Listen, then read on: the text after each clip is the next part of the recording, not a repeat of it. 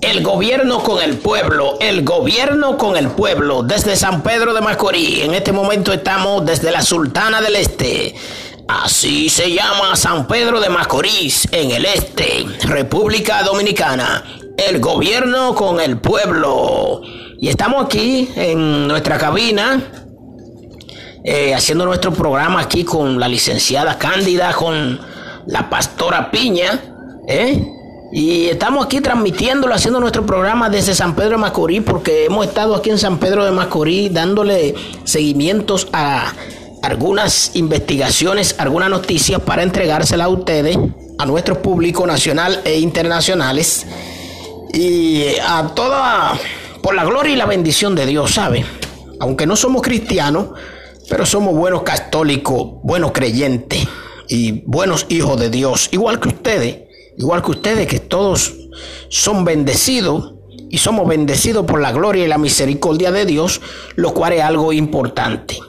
Desde San Pedro de Macorís estamos transmitiendo este programa, El gobierno con el pueblo, el gobierno con el, con el pueblo.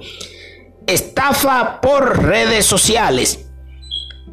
Perturban duro a Santiago, San Pedro de Macorís, la República Dominicana entera.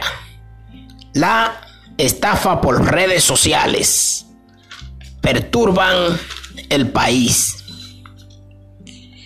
La policía local dice que ha apresado en fragante delito a personas que se dedican a esos actos ilícitos por redes sociales. Refiere que en esos casos recomiendan a la víctima que les digan a los extorsionadores que les remitirán el dinero por una determinada agencia de envío de valores, la hora a que lo van a buscar y a nombre de quién lo puede enviar.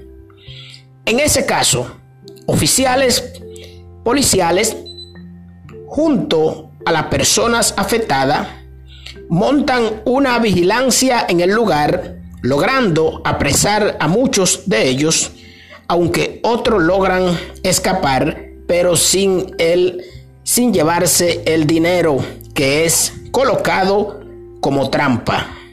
La policía pidió a los usuarios de redes sociales tomar medidas de cautela para evitar ser extorsionados o chantajeados por algún, algunas personas que se dedican a estafar por redes sociales.